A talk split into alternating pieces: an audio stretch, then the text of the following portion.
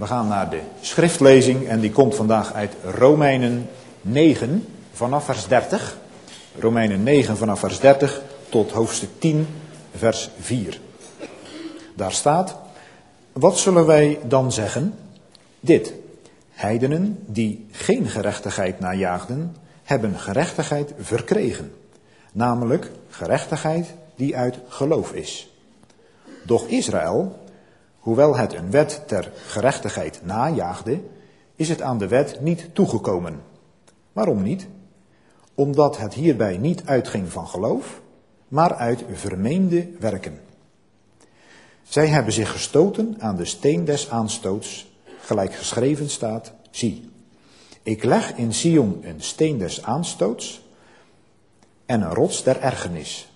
En wie op hem zijn geloof bouwt, zal niet beschaamd uitkomen. Broeders, de begeerte mijns harten en mijn gebed over hun behoud gaan tot God uit. Want ik betuig van hen dat zij ijver voor God bezitten, maar zonder verstand.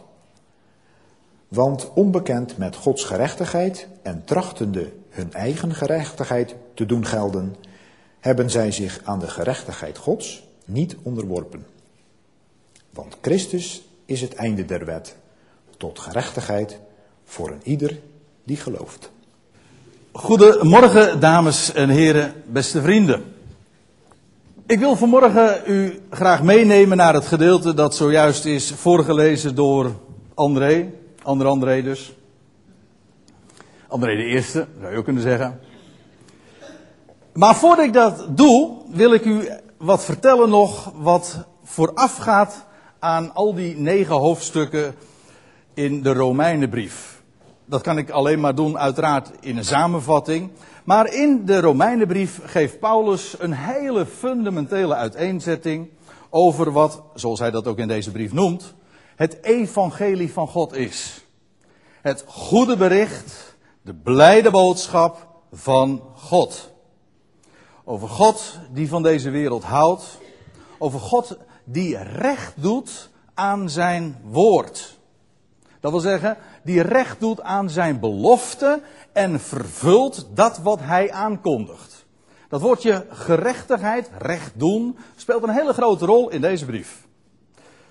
Dat zie je bijvoorbeeld ook in Romeinen 4, waarin de geschiedenis behandeld wordt die we in het boek Genesis eh, terugvinden van Abraham, toen nog Abram trouwens, Genesis 15. Dan lees je, en u kunt dat uh, commentaar van Paulus teruglezen in Romeinen 4, maar hij behandelt dus dat wat we lezen in Genesis. Dan lees je dus die bekende geschiedenis, want het wordt ook heel vaak weer herhaald in het, uh, in het Nieuwe Testament met name, dat Abraham naar buiten geroepen wordt. Abraham was inmiddels al oude man, kinderloos, zijn vrouw was onvruchtbaar en op een nacht wordt Abraham naar buiten geroepen. En dan moet hij omhoog kijken. En dan ziet hij meer dan dat wij de laatste dagen zien als we s'nachts uh, omhoog kijken. Want wij zien dan alleen maar wolken. Duisternis. Maar sowieso, ik heb ooit die ervaring zelf opgedaan. En er zijn ongetwijfeld velen hier die dat ook kennen. Maar als je dan in de woestijn bent, zoals Abraham was. En je kijkt dan s'nachts omhoog. En je ziet die enorme sterrenhemel. Dat is duizelingwekkend. En dat was het voor Abraham ook. En, en God stelt Abraham dan de vraag: kun je dat tellen? Nou, dat kon Abraham uiteraard niet. En dan zegt God: Zo zal jouw nageslacht zijn. Een onvoorwaardelijke belofte. Er wordt helemaal niet gezegd van wat hij zou moeten doen. Of wat hij zou moeten laten. Niets van dat al. Het wordt hem puur om niet beloofd. En dan staat er zo bij, en dat wordt nogal regelmatig in het Nieuwe Testament ook aangehaald en toegelicht. Het speelt een hele grote rol. Dan staat erbij in Genesis 15, vers 6. En Abraham geloofde God. En het werd hem tot gerechtigheid gerekend. Dat wil zeggen, Abraham geloofde, hij beaamde God. Dat is eigenlijk ook het woord wat er in het Hebreeuws gebruikt wordt. Hij zei amen op wat God beloofde. En het werd hem tot gerechtigheid gerekend. Dat wil zeggen, Abraham was een rechtvaardige voor God.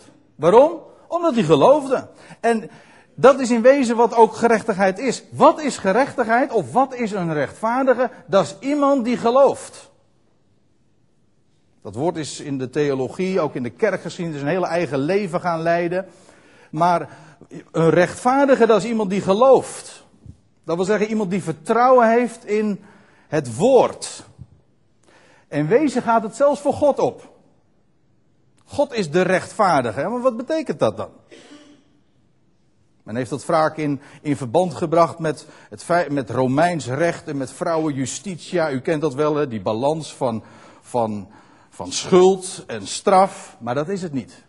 Je moet niet gaan filosoferen als je wil weten wat een woord betekent. Je moet gewoon de schrift opslaan. En de Bijbel legt het gewoon zo uit. Een rechtvaardige, God rekent geloof tot gerechtigheid. Een rechtvaardige, dat is iemand die gelooft. Gods gerechtigheid wil zeggen, of dat God een rechtvaardig is, wil zeggen dat hij gelooft. Er is niemand die meer gelooft in God, of in zijn woord, of in het woord van God, dan God zelf. Afijn. Het gaat in de Romeinenbrief over de openbaring van de gerechtigheid van God. Dat betekent dus dat geopenbaard wordt, dat openbaar wordt, zichtbaar wordt, manifest wordt, dat God rechtvaardig is. Hij doet wat hij beloofde. Belofte maakt schuld, wel, hij vervult wat hij aankondigde. En Abraham, zo'n en die verstorven man, hij, hij, was niet in staat om nageslacht voor te brengen, impotent zeggen we dan. En een onvruchtbare vrouw, maar hem wordt gezegd, zo zal jouw nageslacht zijn. En Abraham geloofde God. En hij was een rechtvaardige voor God. En in die Romeinenbrief speelt dat evangelie van die God die recht doet zo'n grote rol. En dat is werkelijk een evangelie. Een God die niets laat afhangen van de mens, maar alles laat afhangen, maar dan ook werkelijk alles van hemzelf en van zijn woord, van zijn belofte. En dan, dan, lees je in de Romeinenbrief dat alle mensen tot zondaren gesteld zijn. Dat is geen keuze van u of van mij. Nee, het geldt voor alle, aan, alle nakomelingen van Adam, alle Adamieten. De hele familie is gewoon, van al die miljarden mensen, ze zijn allemaal stervelingen. Ze zijn zondaren, omdat God ze daartoe ook gesteld heeft. Wel, de Bijbel stelt net zo duidelijk. In Romeinen 5 wordt wordt dat door Paulus zo fundamenteel uiteengezet en het is zo zeldzaam om het te horen. Ik heb gisteravond juist nog een uitzending beluisterd van, de, van een omroep die de blijde boodschap hoog in het vaandel heeft. Ik zal de naam niet noemen. En ja, daar ging het ook over. Over de vraag van, ja, hoe ver gaat dat reddingswerk van God? Ja, en dat was een heel problematisch thema. En dan denk ik, het is niet te geloven. Het is zo duidelijk, zoals God dat in zijn woord heeft neergelegd. En men doet alles, men stelt alles in het werk om dat maar te bedekken en om die boodschap onder de tafel te schuiven. En ik zei al, in Romeinen 5 legt Paulus dat uit. Zet hij Adam en Christus tegenover elkaar. In Adam zijn alle mensen zondaren, stervelingen. Dat heeft niets te maken met onze keuze. Wel staat er, Net zo zal ook door, die, e- door één mens heel de mensheid gerechtvaardigd worden ten leven. Alsjeblieft. Het staat er heel duidelijk hoor. En niet alleen daar, maar op vele andere plaatsen. God is God. Hij laat het niet afhangen van de mens, maar van zijn belofte. En weet u wat? Als u rechtvaardig wil wezen, nou geloof God dan gewoon op zijn woord. Hij belooft dat, hij doet dat. En dat is juist het evangelie. En ik zeg altijd, en ik zeg het nu ook maar graag nog een keertje. Het evangelie is daarom ook evangelie. Omdat er niets van de mens is. Maar alles van hem. En daarom ook voor hem alle eer. We gaan naar Romeinen 9. Naar dat gedeelte wat zojuist is gelezen. In Romeinen 9, vers 30 daar gaat Paulus in dat, in dat gedeelte, in, die hoofdstukken 9, 10 en 11, gaat Paulus in op, op uh, de vraag hoe het nou komt dat Israël zo massief en zo massaal die boodschap heeft afgewezen van de Messias die juist aan hen was beloofd. En aan de andere kant, Paulus als apostel van de natie uh, had daar zoveel ervaring ook natuurlijk mee, dat juist hij zoveel succes had, tussen aanhalingstekens, onder de natie. Dat er velen waren die onder de natie wel het, de boodschap aanvaarden van de Messias. En dan, in dat verband zegt hij in vers 30, wat zullen wij dan zeggen? Dit, heidenen, dat wil zeggen niet Joden, die geen gerechtigheid najaagden, hebben gerechtigheid verkregen. Namelijk, gerechtigheid die uit geloof is. Nou, hier staat met zoveel woorden. De heidenen die er nooit zich druk om hebben gemaakt of zich erom hebben bekommerd om rechtvaardig voor God te zijn, of ook niet hun best daarvoor deden, die hebben niettemin gerechtigheid verkregen. Dat wil zeggen, zijn toch gerechtvaardigd. Dat wil zeggen, ze geloofden gewoon. Ze deden niks, maar ze hebben gewoon aanvaard dat wat God beloofd had. En ook vervuld had inmiddels. Namelijk in de komst van zijn zoon, Jezus, de Messias, Jezus Christus. Paulus zin speelt hier ook op wat we elders in eh, de Bijbel vinden, in het boek Jezaja. Daar zegt hij in Jezaja 65, in vers 1. Ik ben gevonden, dat, zegt, dat staat dus al in het Oude Testament. Ik ben gevonden van hen die naar mij niet vraagden. Ik ben gevonden van degene die naar mij niet zochten. Tot het volk dat naar mijn naam niet genoemd was, heb ik gezegd: zie, hier ben ik. Zie, hier ben ik. In wezen is dit dezelfde waarheid die uitgedrukt wordt als die, we, die Paulus dus uiteenzette in, in Romeinen 9. Hij zegt, heidenen die, de die helemaal zich nooit hebben bekommerd om God of rechtvaardig voor God te zijn, die God niet zochten, die hebben mij toch gevonden. Dat was dus geen kwestie van prestatie. God zoeken deden ze niet. Nee, maar God heeft gezegd, ik, tot het volk dat mijn naam helemaal niet kende en die mij niet zochten, toen heb ik gezegd, alsjeblieft, hier ben ik. Ja, alsjeblieft. Dat is een mooi woord trouwens. Als je belieft. Dat betekent, er zit het Engelse woordje believe nog in. Als je het gelooft. Hier, hier ben ik. Voor wie het gelooft. Gratis, om niets. We lezen verder in Romeinen 9. Dan gaat Paulus verder, want hij gaat nu die tegenstelling maken. Natieën, de, de, de niet-Joden, die wel geloofden in de boodschap, terwijl ze nooit naar God vraagden, of nooit hem gezocht hebben, niet hun best hebben gedaan om rechtvaardig voor hem te zijn.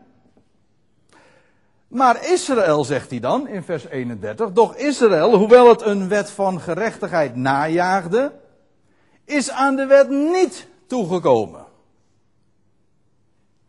En dan komt de vraag, waarom niet? Dus aan de ene kant de heidenen die niet hun best deden, die niet naar God vroegen, die hebben hem wel gevonden. En aan de andere kant Israël die zo, hun best, die zo haar best deed om wel rechtvaardig voor God te zijn. 613 geboden, zo stipt allemaal uh, proberen te vervullen om zo rechtvaardig voor God te zijn. En ze hebben de wet niet begrepen. Ze zijn aan de wet niet toegekomen. Ze hebben het niet verstaan. Ze probeerden wel heel veel, maar u weet het, hè? dat woordje proberen, daar, daar, zit, uh, daar zit het falen al in. Als je zegt, ik probeerde me mijn deur open te doen, open te doen dan is het je niet gelukt. Proberen. We lazen het ook eh, zojuist nog. Ze trachten hun eigen gerechtigheid te, te doen gelden. Ja. Trachten. Proberen. Dat is een heel, je leest in de Bijbel nooit, dat is heel leuk. Hè? Je leest in de Bijbel nooit dat God iets probeert. En daar ben ik erg blij mee. God doet gewoon. Hij kondigt aan. Hij weet van tevoren de afloop al. Hij doet. Maar hij probeert nooit. Degene die uit geloof leeft, die probeert trouwens ook niet. Maar daar kom ik straks nog op terug.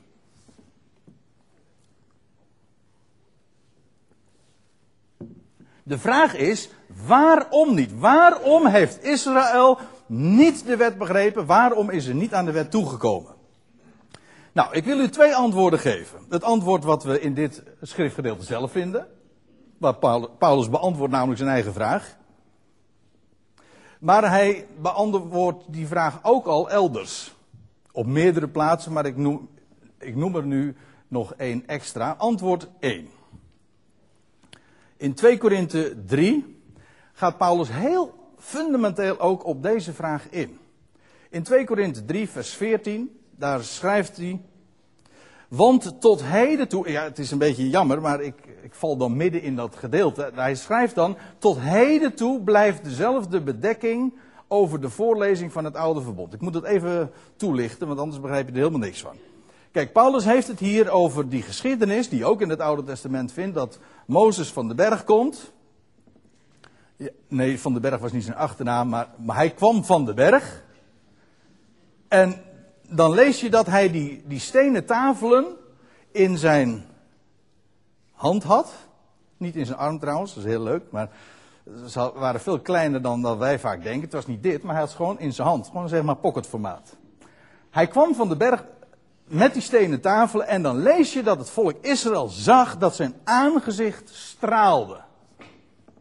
Hij kwam van, eh, direct zo vanuit de nabijheid van God. Zijn aangezicht straalde en dan lees je dat hij een, een, een eh, bedekking, een doek deed voor zijn gelaat. Zodat, zij, zodat de kinderen Israëls niet hun blik vestigden, zoals dat dan in dit gedeelte ook wordt uh, uiteengezet, op, uh, op zijn heerlijkheid. En dan zegt Paulus, tot heden toe blijft diezelfde bedekking die dus ooit over Mozes lag, over Mozes gelaat lag, blijft over de voorlezing van het oude verbond. De Tenach, het Oude Testament. Of meer specifiek, de, de Torah. Die wordt ook wel gewoon Mozes genoemd trouwens. Dus Mozes heeft nog steeds een bedekking. Want als dat oude verbond wordt voorgelezen, wel, daar ligt daar iets, iets op, zodat ze niet in staat zijn om er door te dringen. Ze kijken dus gewoon in wezen naar die bedekking, naar de oppervlakte. Ze lezen dus oppervlakkig. Dat is het idee.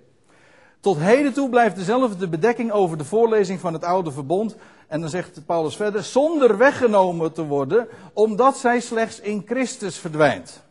Kijk, die, die bedekking, dat is vooral dat wat men zelf gemaakt heeft. Aan eigen bedenksels en eigen overleveringen.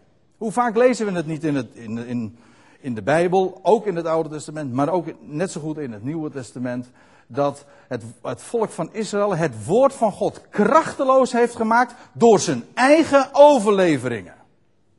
En als u denkt dat dat alleen maar een, een probleem is bij Israël, dan hebt u het mis. Want zo gaat het altijd. Het woord van God maakt je krachteloos, juist door je eigen bedenksels. Dan doe je water bij de wijn of dan leg je er een bedekking op. Dan kijk je door een ander, ander beeld. Dan kijk je door een gekleurde bril. Dan zie je niet meer echt wat er staat.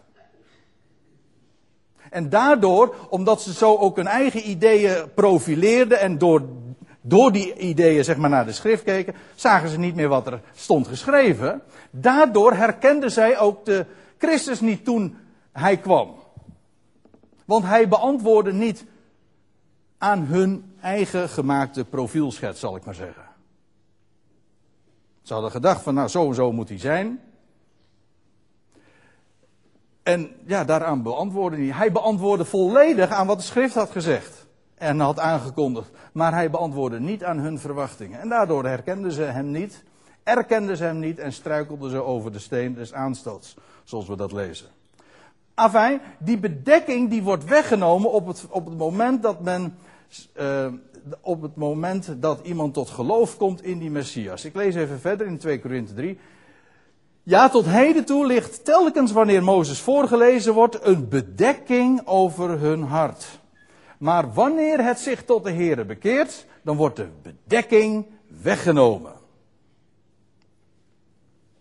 Dus op het moment dat Israël, want het is ook profetisch. Hè? Het gaat niet alleen maar op het moment dat een, een Jood vandaag tot geloof komt in de Messias, dat, dat hij dan ineens ziet van wat, het alle, wat er allemaal staat geschreven in, in, in de Tenach, in het Oude Testament. En dat hij ziet van ja, in Christus is het allemaal tot vervulling gekomen. Dat is individueel zo, maar straks, als Israël tot geloof zal komen, dan zal de bedekking worden weggenomen. En dan zullen ze zien wat er werkelijk staat in de schriften. In hun eigen boeken die ze altijd gelezen hebben. Waar ze zo'n ijver voor hadden.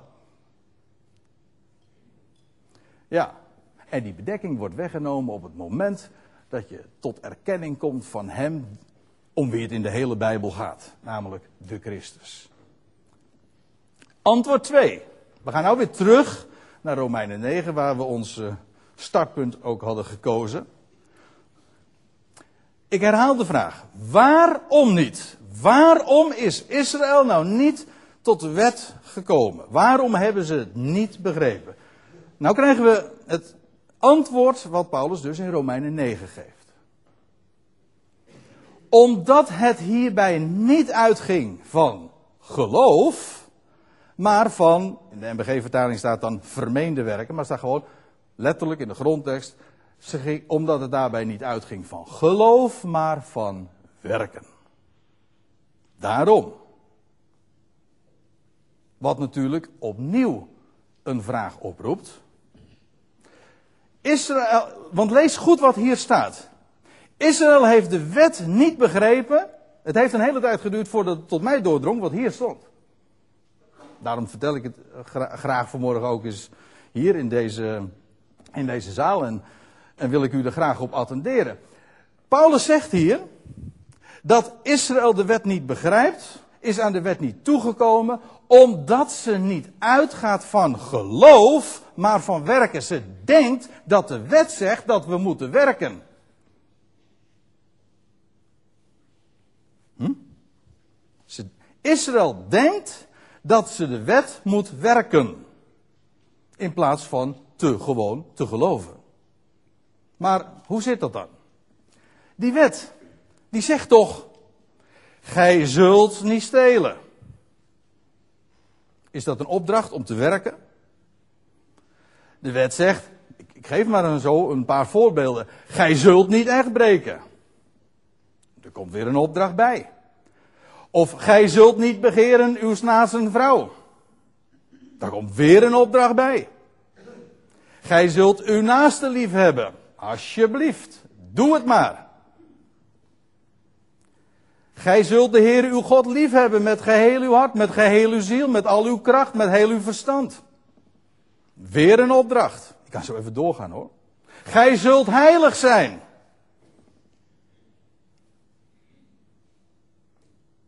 Enzovoort, enzovoort, enzovoort. Er komt maar bij. Aan last, zou je zeggen. En nou nog een keer die vraag. Hoe kan Paulus dan zeggen dat Israël de wet niet begrepen heeft omdat ze meende dat ze hem moest werken? Hoe kon hij dat nou schrijven? Staan er dan niet, zijn, is de wet dan niet één grote collectie van allemaal opdrachten om te werken? Nee, zegt Paulus, dat is, niet, dat is juist het grote probleem bij Israël. Dat is juist de bedekking die op hun hart ligt over de voorlezing. Ze denkt dat ze de wet moet werken, maar dat komt omdat er een bedekking overheen ligt. Kijk, ze kijken naar zo'n boekrol, maar er ligt een bedekking op. Ze lezen bevelen. Maar moeten ze kijken wat er gebeurt als die bedekking weggenomen wordt. Kijk, dan gebeurt er dit.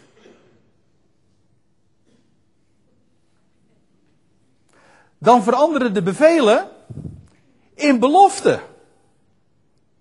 Of anders gezegd, ze lezen je moet. De bedekking wordt weggenomen. En wat zien ze, wat er echt staat? Je zult. Er staat niet in de Bijbel, gij moet uw naaste lief hebben. Gij zult uw naaste lief hebben. Dat is een belofte. Dat is een profetie. Ik zal daar eens een heel aantal voorbeelden van geven. Waarbij je gewoon ziet dat het inderdaad een profetie is. Een belofte is. Gij zult. dat beloof ik, zegt God. De vader van een menigte volkeren zijn. Ik had het zojuist over Abraham. Wel, tegen hem wordt dat gezegd. Was dit een opdracht aan Abraham?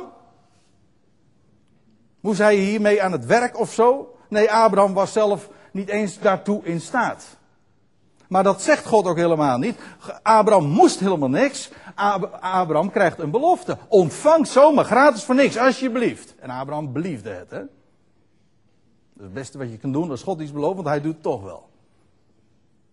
Gij zult een vader van een menigte volkeren zijn. Gij zult, dat beloof ik, zegt God, in het land wonen en het bezitten. Zegt hij tegen Israël. Is dat een opdracht? Nee, het is een belofte. Gij zult, dat beloof ik, zegt God, u neerleggen en uw slaap zal zoet zijn. Dat is een belofte. Gij zult, dat beloof ik, zegt God, u verheugen voor het aangezicht van de Heere uw God. Is dat iets wat ze moesten doen? Moet je je verheugen? Ik zal je vertellen, dat kan niet eens. Je kan niet je blij zijn op commando. Dat gaat helemaal niet.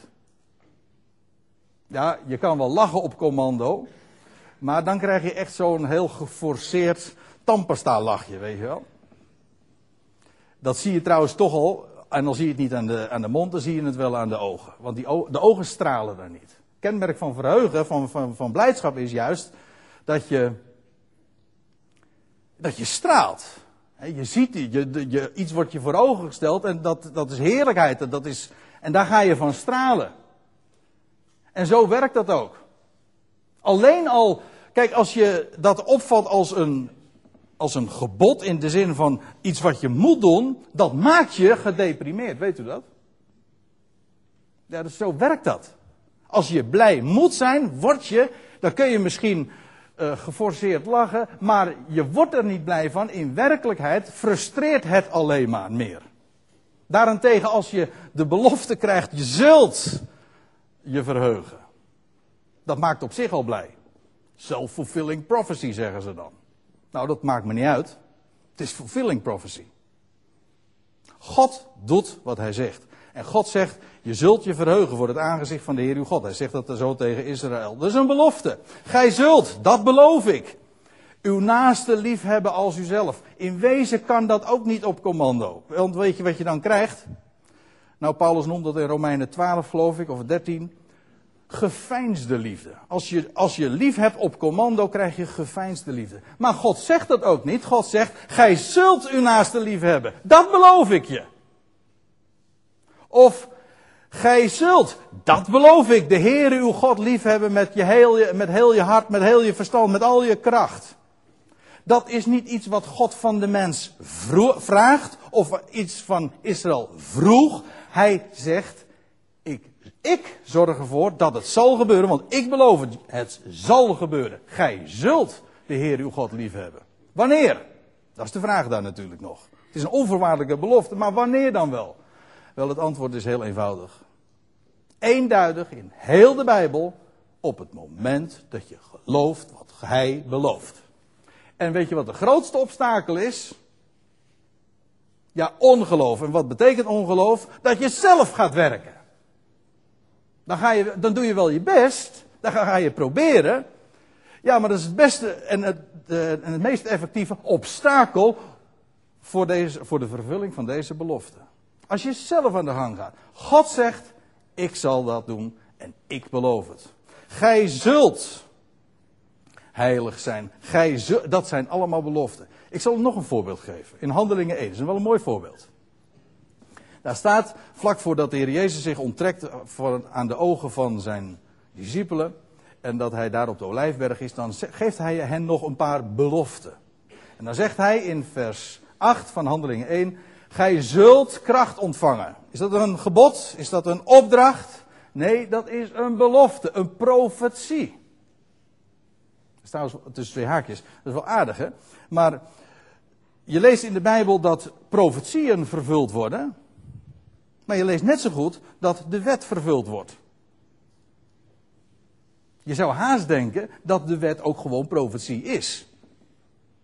Maar ik zeg natuurlijk, je zou haast denken, het is namelijk gewoon zo. De wet wordt ook vervuld. Waarom? Omdat de wet, net zoals de profetie, profetie is. Het kondigt aan, het belooft, het zegt toe. Zo zal het gaan gebeuren. Gij zult de Heer uw God liefhebben. Gij zult uw naaste liefhebben als uzelf. Gij zult hier, handelingen 1, kracht ontvangen wanneer de Heilige Geest over u komt. En gij zult mijn getuige zijn. Hoe vaak is deze tekst, ik weet dat uit eigen ervaring, niet gebruikt als een stok achter de deur?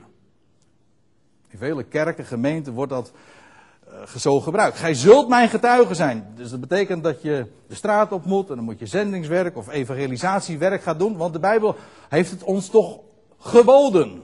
Ons, dan kun je zeggen van ja, maar deze belofte wordt vervuld door Israël, dat weet ik. Maar daar gaat het me nou eventjes niet eens om. Hier wordt niet iets gevraagd aan de discipelen. Er wordt hier iets beloofd. Gij zult kracht ontvangen. Dat is een belofte. En gij zult mijn getuige zijn. Het is trouwens ook vervuld. Zij zijn, degene die de Heer Jezus hier toesprak, dat werden zijn getuigen. En hoe? Te Jeruzalem en in geheel Judea Samaria tot aan het uiterste der aarde. Inderdaad, dat was een belofte en die belofte is ook vervuld. Ik zal u nog een voorbeeld geven.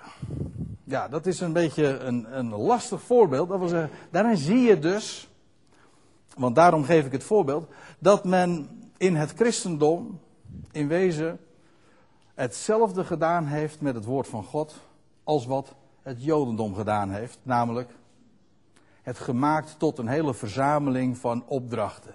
Men heeft beloften veranderd in bevelen moeten, of zul, zullen werd moeten.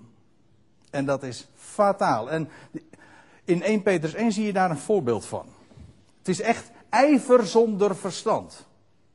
Maar het is wel ijver, Paulus zegt het ook hè, van, de Romein, van, de, van zijn volksgenoten. Hij zegt, ik getuig van hen. Hij was er zelf ooit echt ook een, eh, een voorbeeld van. Hij zegt, ik getuig van hen dat ze ijver voor God hebben. Hij is maar zonder verstand. Vandaar ook Jodendom natuurlijk. En Christendom. Ja, ik weet niet of het eh, helemaal correct is wat ik nou zeg, maar eh, ik vind het wel handig om het zo te onthouden. Ik ga even, bij, ik, ik ga even naar dat voorbeeld van 1 Petrus. Hij zegt, gelijk hij die u geroepen heeft, Petrus spreekt hier tot de besnijdenis. En dan zegt hij, gelijk hij die u geroepen heeft, heilig is, wordt, ook wordt zo ook gij zelf heilig in al uw wandel. Nou komt het, er staat immers geschreven, wees heilig, want ik ben heilig.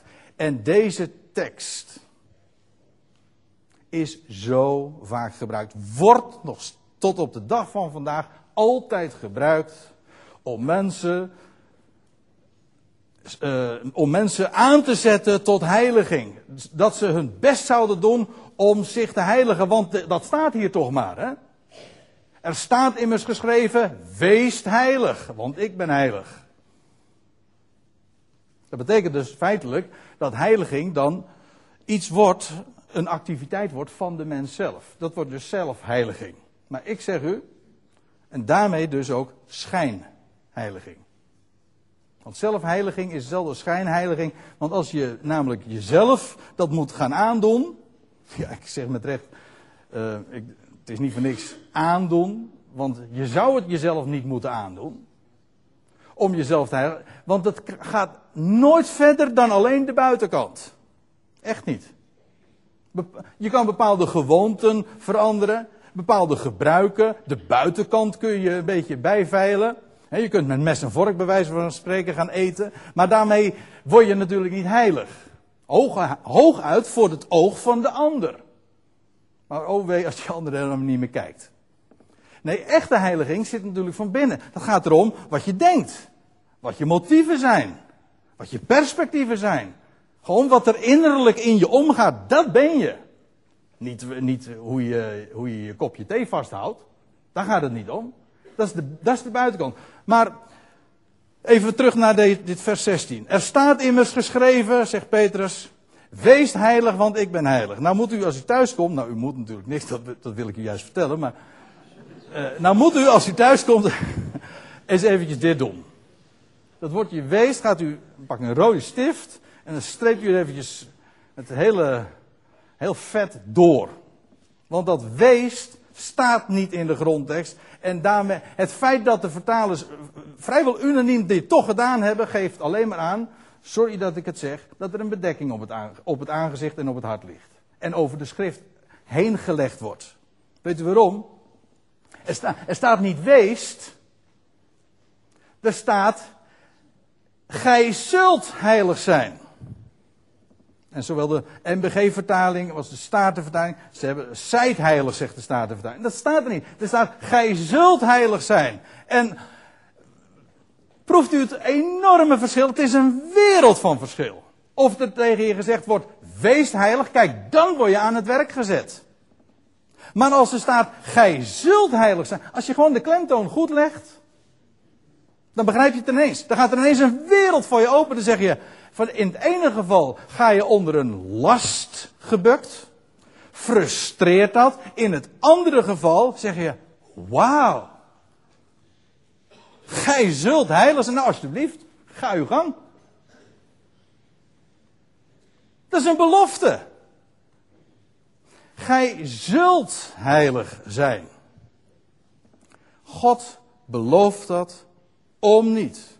En nogmaals, wanneer gaat die belofte in vervulling? Het antwoord is door geloof. Dat wil zeggen, op het moment dat we gaan aanvaarden, u zegt het, u belooft het. Oké. Ja, maar dat zal maar makkelijk wezen. Kent u dat niet? Dat, dat, is het verwijt dat ik zo vaak te horen krijg. Als je, als je iets vertelt over het evangelie. En je vertelt dat God God is. Dat er nooit iets misgaat bij hem. En dat hij van deze wereld houdt. En dat hij de redder is van alle mensen. Ja, dat zal maar makkelijk wezen. Ja, dat is het ook, ja. Dat is het ook. Gek genoeg, dat wordt uh, in godsdienstige sfeer wordt dat gebruikt als een bezwaar. In het normale dagelijkse, leven zou dat alleen maar een aanbeveling zijn. Nou, als je zegt van het is makkelijk.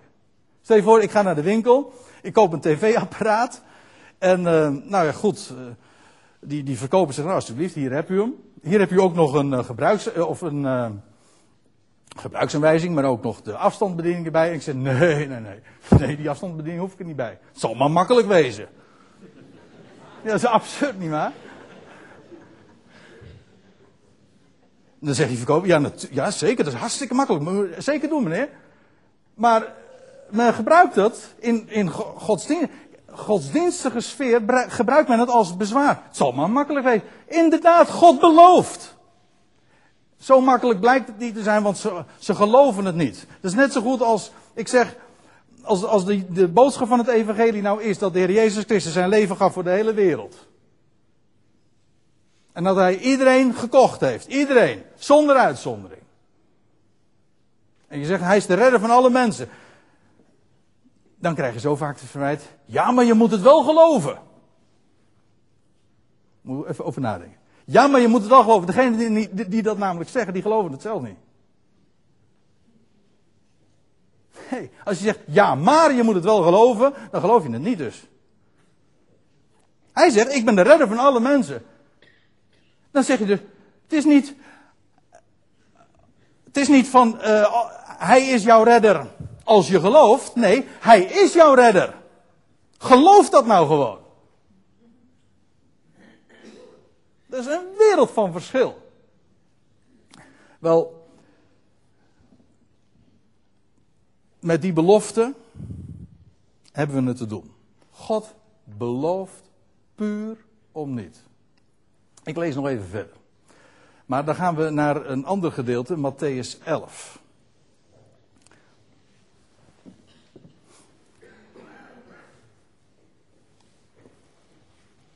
Matthäus 11, een bekend gedeelte.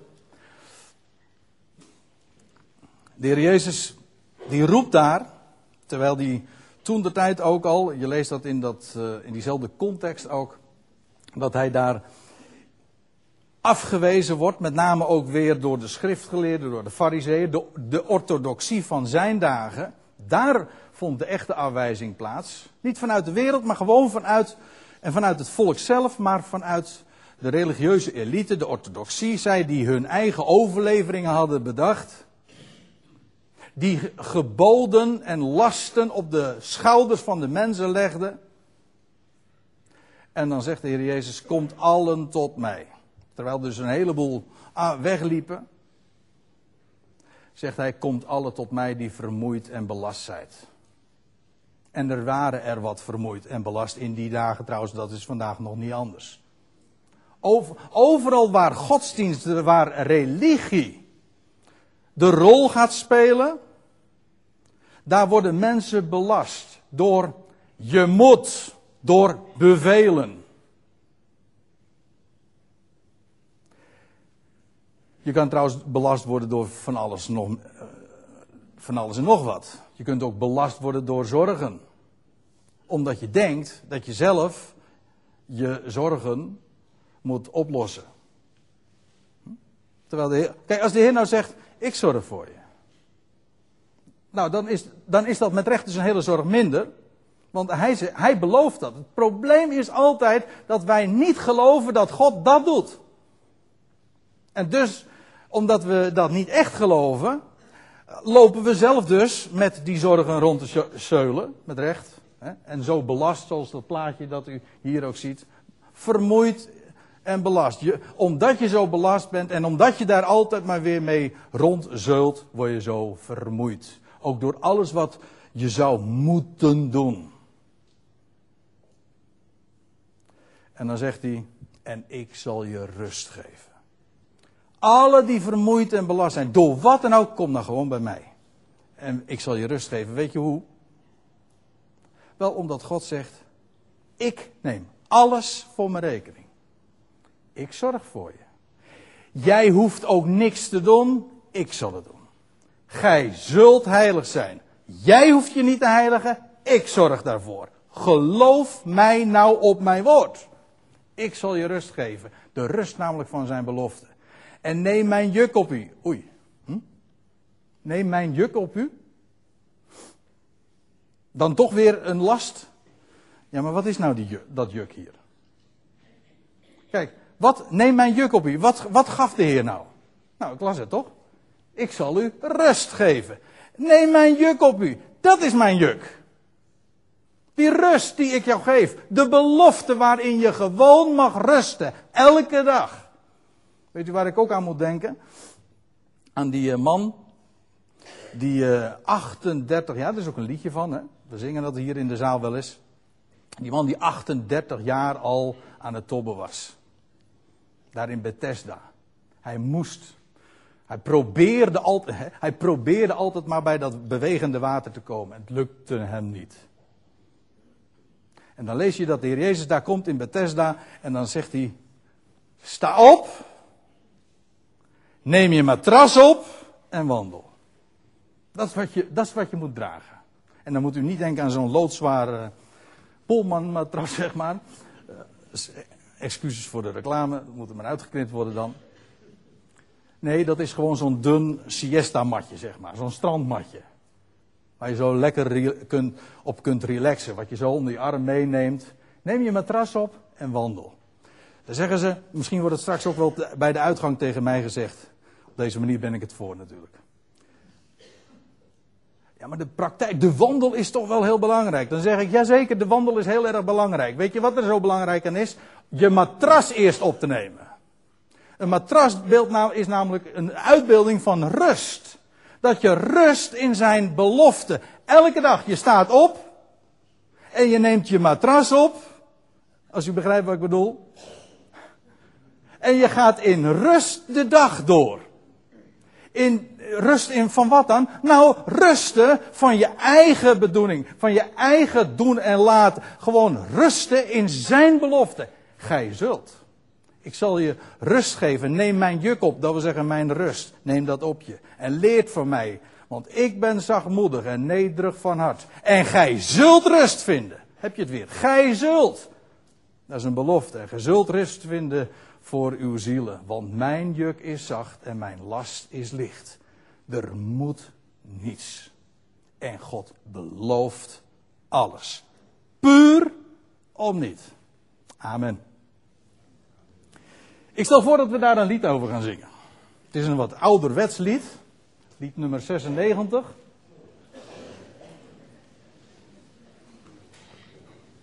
De muziek is wat uh, ouderwets, de tekst is wat ouderwets. Maar het drukt precies uit waar het om gaat. Want de waarheid verandert namelijk niet. Hè? Ik heb expres ook een mooi plaatje van, ik weet niet of het ziet. Van de zon en de strand. Twee palmbomen en een hangmat zo ertussenin. Niets te doen, zij groot of klein. Het is een liedje van de Heer. Johan de Heer.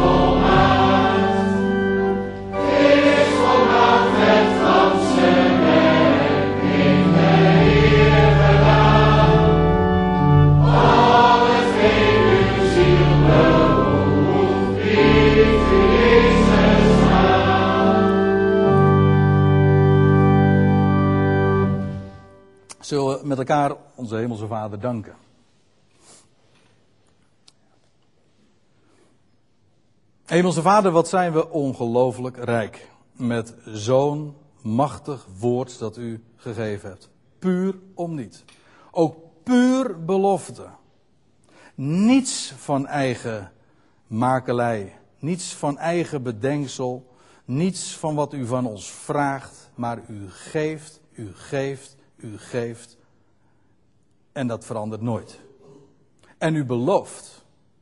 En Heer, we danken u dat u werkelijk zo'n groot God bent, zoals u, zichzelf ook in uw woord presenteert, als de God die hemel en aarde gemaakt heeft.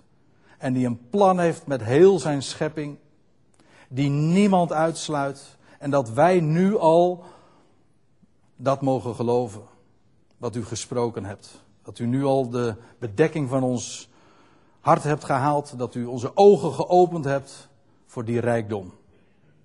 De rijkdom die wij nu al mogen zien, de rijkdom die ooit straks Israël ook zal mogen gaan ontdekken met recht. En de volkerenwereld en uiteindelijk zelfs elk schepsel. U belooft dat, u doet dat. En Heer, we danken u dat die waarheid nooit verandert. Ook in ons leven niet. Het is niet zo dat als wij eenmaal tot geloof gekomen zijn, dat wij dan vervolgens dus onszelf zouden gaan heiligen. Maar u zegt, ik doe het. Maar dan ook helemaal. Ik behoud de eer aan mijzelf.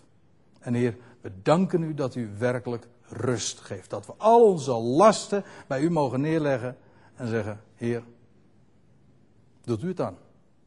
En u belooft het, zodat we u op voorhand al kunnen danken voor dat wat u belooft. Heer, wat hebben we een enorme rust. En daarmee ook blijdschap. En een geweldige verwachting.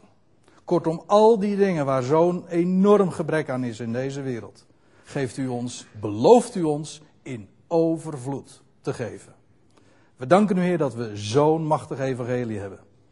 En dat in staat is om degene die kromgebogen door het leven gaan, weer op te richten. Degene die bedroefd zijn, vreugde te geven. Degene die onvrede of in paniek zijn, geeft u werkelijk en belooft u rust. Daar waar wij amen zeggen op wat u belooft. Heer, wat zijn we enorm rijk met die waarheid. Dat we ons daarin mogen verheugen dat we zo u ook de eer geven. Door al het eigen werk te staken, door ons gewoon ons matras op te nemen. Om elke dag in onze wandel te leven vanuit die beloofde rust. Heer, we danken u dat u dat geeft in overvloed en dat we ons daarin ook bij u mogen aanbevelen. We danken u dat we voor uw rekening zijn voor tijd en eeuwigheid. Amen.